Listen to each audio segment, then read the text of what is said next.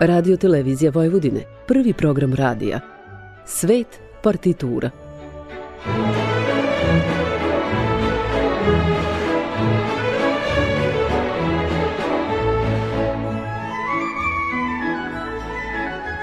Urednik i voditelj Bogdan Đorđević.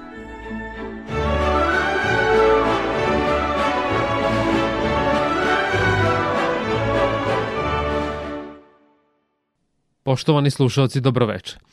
Na početku emisije slušat ćete čakonu u G duru Georga Friedricha Hendla, objavljenu 1733.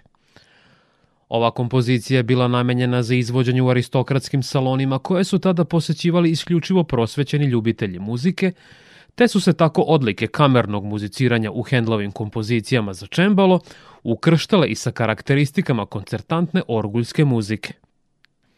U ovoj čakoni uočavamo kako se čembalistička umešnost sa svojom lakoćom i prozračnošću u isticanju detalja i ukrasa prožima sa osobenostima orguljaškog majstorstva, koje se pre svega prepoznaje u gustini i punoći zvuka, ali i deskriptivnim promenama registara.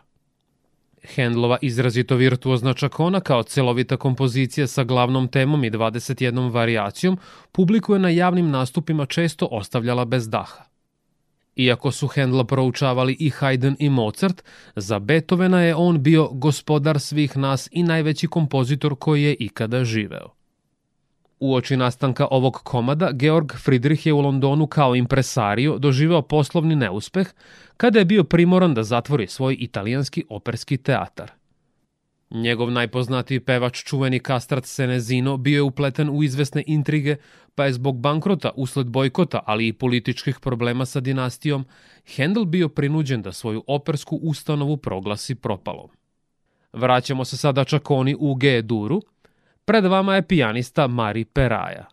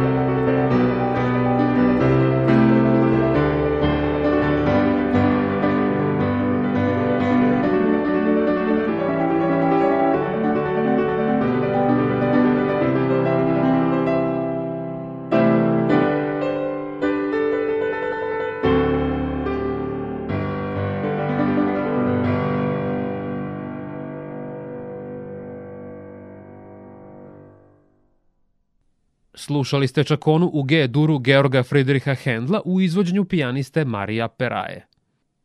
Hendlov životni put jasno pokazuje da on nije bio sklon mirnom i povučenom stvaralačkom radu pod sigurnom zaštitom mecena.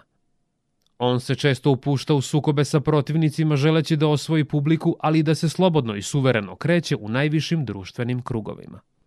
Vi ste na talasima prvog programa radija Radio Televizije Vojvodine – U nastavku emisije Svet partitura slušat ćete prvi stav Allegro Assai i simfonija broj 45 u Fis molu Jozefa Haydna iz 1772. Priču o tome kako je nastala ova oproštena simfonija Haydn je u starosti otkrio svojim biografima. Jednom prilikom njegov pokrovitelj, grof Nikolaus I Esterhazi, boravio je zajedno sa svojim muzičarima u svom najomiljenijem Letnjikovcu. Boravak je potrajao nešto duže od očekivanog, pa je većina članova orkestra iskazala nezadovoljstvo zbog toga. Oni su bili primorani da ostave svoje žene kod kuće u Eisenštatu, do kojeg se kočijama putovalo čitav jedan dan. Želeći da im se što pre vrate, obratili su se kapelmajstoru za pomoć, koji je njihov zahtev rešio diplomatski. Naime, svaki od muzičara, nakon što bi prestao da svira, najpre bi ugasio sveću, a potom ustao i udaljio se. Nakon što su scenu napuštali jedan po jedan, na samom kraju ostale su samo dve prigušene violine koje su svirali Haydn i koncertmajstor Luigi Tomazini. Kada je Esterhazy shvatio poruku, muzičara je pustio kućama. Pred vama su sada orkestar St. Martin in the Fields i dirigent Sir Neville Mariner.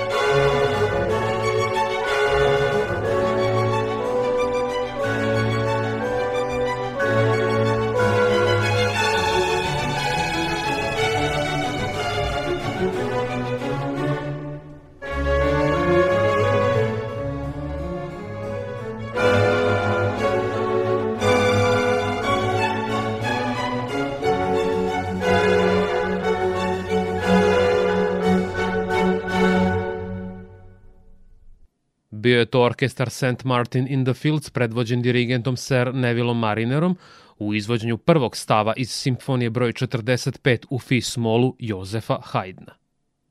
Ovaj turbulentni stav tipičan je za Haydnov stvaralački period Sturm und Drang, Oluja i Nagon, koji je nastao pod direktnim uticajem istoimenog književnog pokreta, u čijem su se središtu opažanja nalazili pojedinac i njegova osjećanja. U nastavku emisije Svet partitura na prvom programu Radio Novog Sada slušat ćete uvertiru iz opere Oberon Karla Marije von Webera, premijerno izvedene 1826. Ova romantična opera u tri čina, odigrana na engleskom jeziku, nastala je na temeljima građe jedno staro francuske srednjovekovne legende i istoimene nemačke epske pesme Kristofa Martina Vilanda. Poznatu i pod naslovom Zakletva kralja Vilenjaka, Weber ju je komponovao ozbiljno narušenog zdravlja.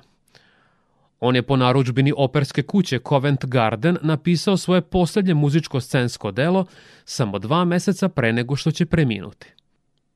Libretista James Robinson Planchet sa uspehom je prikazao pustolovine viteza Hiona iz Bordoa, koji je oteo Reziju, kćer bagdatskog halifa, da bi je nakon svih peripetija i avantura na kraju ipak doveo u Evropu. U ovoj uvertiri susrećemo se sa nizom obrađenih slika u kojima herojstvo ustupa mesto izrazito komičnim, ali i lirijskim scenama. Kroz fantastičan ugođaj istočnjačkog kolorita u nada se prozračnom vilenjačkom univerzumu vodit će vas u narednim minutima bečki filharmoničari i dirigent Kristijan Tileman.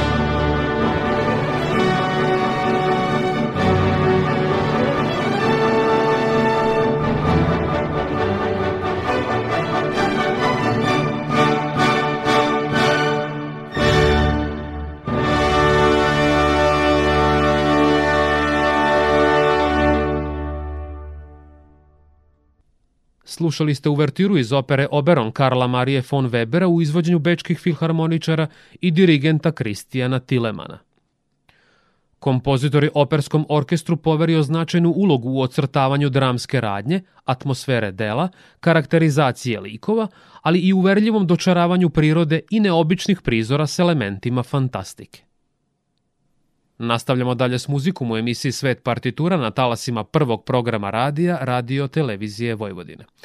Slušat ćete koncertnu etidu broj 3 u Des duru Franca Lista, nastalu u periodu od 1845. do 1849.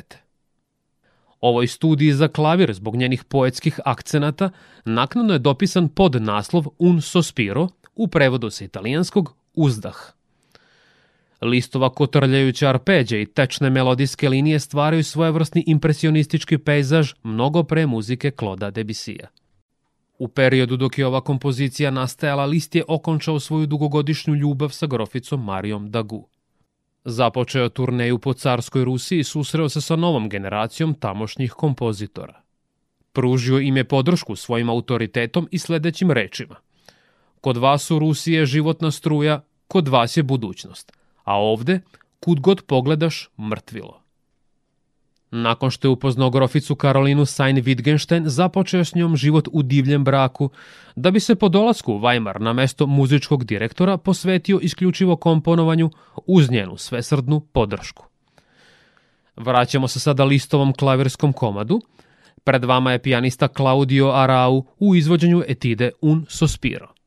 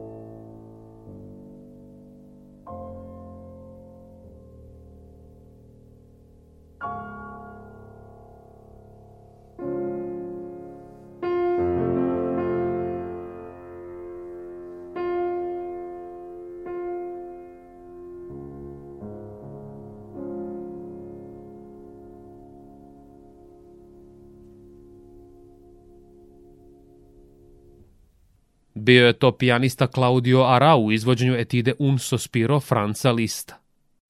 Ovaj slavni kompozitor i pijanista po prirodi je bio nestalan poput svakog usamljenika i osobenjaka, iako su žene večito ludovale za njim. On se čak dva puta opredelio za isposnički život u manastiru, ali je i to brzo napuštao. Nakon Franca Lista u emisiji Svet partitura na talasima prvog programa radija, radio televizije Vojvodine, slušat ćete prvi stav Allegro Molto iz Serenade opus 11 u D duru Johannesa Bramsa, nastale 1858. u Detmoldu, gradu u nemačkoj oblasti Severna Rajna, Vestfalija, U periodu dok je kompozitor provodio zimski raspust kao honorarni nastavnik muzike na dvoru princa Pavla Fridriha Emila Leopolda. Iako je Brahms usvojio neoklasični stil koji je podsjećao na dela Mozarta, Haydna, Beethovena i Schuberta napisana za manje orkestre, on ipak nije ostavio po strani i svoj romantičarski senzibilitet. Premda je kompozicija prvobitno bila napisana za skromni sastav od devet duvača i gudača, kompozitorovi prijatelji, pijaniskinja Klara Schumann i violinista Joseph Joachim, ohrabrili su ga da je preradi za nešto veći ansambl. Ipak ovi rani radovi i napori Johannesa Bramsa da napiše orkestarsku muziku i dosegne nivo Ludviga van Beethovena, na premijernom izvođenju nisu prošli baš najbolje, sudeći prema kompozitorovom krajnje samokritičnom stavu. Uprkos navedenom neuobičajeno brojna publika od 1200 ljudi tokom izvođenja nije uočila ni jednu jedinu grešku, te ga je pozdravila ovacijama. Slušat ćete sada Kraljevski orkestar koncert Gebaue dirigenta Bernarda Hajtinka i prvi stav iz Serenade u D-duru Johannesa Bramsa.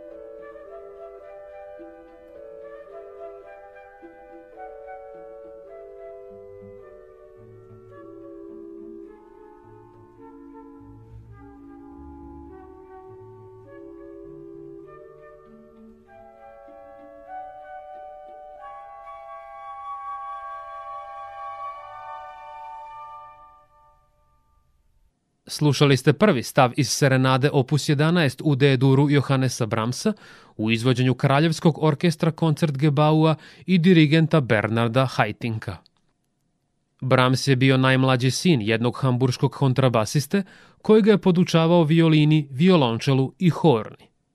Međutim, kada je Johannes odlučio da postane pijanista, svakodnevno je vežbao na instrumentu u kući jednog očevog prijatelja. Sa napunjenih 15 godina održao je svoj prvi koncert izvodeći dela Baha i Beethovena. U poslednjem segmentu emisije Svet partitura na prvom programu Radio Novog Sada slušat ćete italijansku polku Sergeja Rahmanjinova iz 1906. Priču kako je nastala ova kompozicija tokom letnjeg odmora u Firenci zabeležila je kompozitorova rođaka Ana Trubinkova iz Moskve, koja ga je tom prilikom posetila. Ona je u svom dnevniku zabeležila. Dani su bili sparni, venecijaneri su ostali spušteni na prozorima i vratima, a ulice su bile prazne. Kad god bi vrućina malo popustila, prvi koji bi se pojavili na ulici bili su skromno obučeni mladić sa svilenim šeširom i štapom i žena u haljini svetlih boja. Mladi magarac sa veoma dugim ušima vukao je mehanički pijanino na točkovima, za koju je bila pričvršćena kolevka sa bebom. Bili su to pravi putujući muzičari. Njihova omiljena numera bila je jedna jednostavna, ali prilično melodična polka. Mnogo godina kasnije, kada je rođaka prvi put čula Rahmanjinovljevu italijansku polku, znala je tačno gde je ona prvi put prodrla u njegovu svest. Poštovani slušalci, polako se približavamo kraju večerašnje emisije. Moje ime je Bogdan Đorđević i pozdravljam vas iz studija Radio Televizije Vojvodine. Do našeg sledećeg susreta, nedeljom posle vesti u 21 čas, slušat ćete pijanistu Vjačeslava Grjaznova –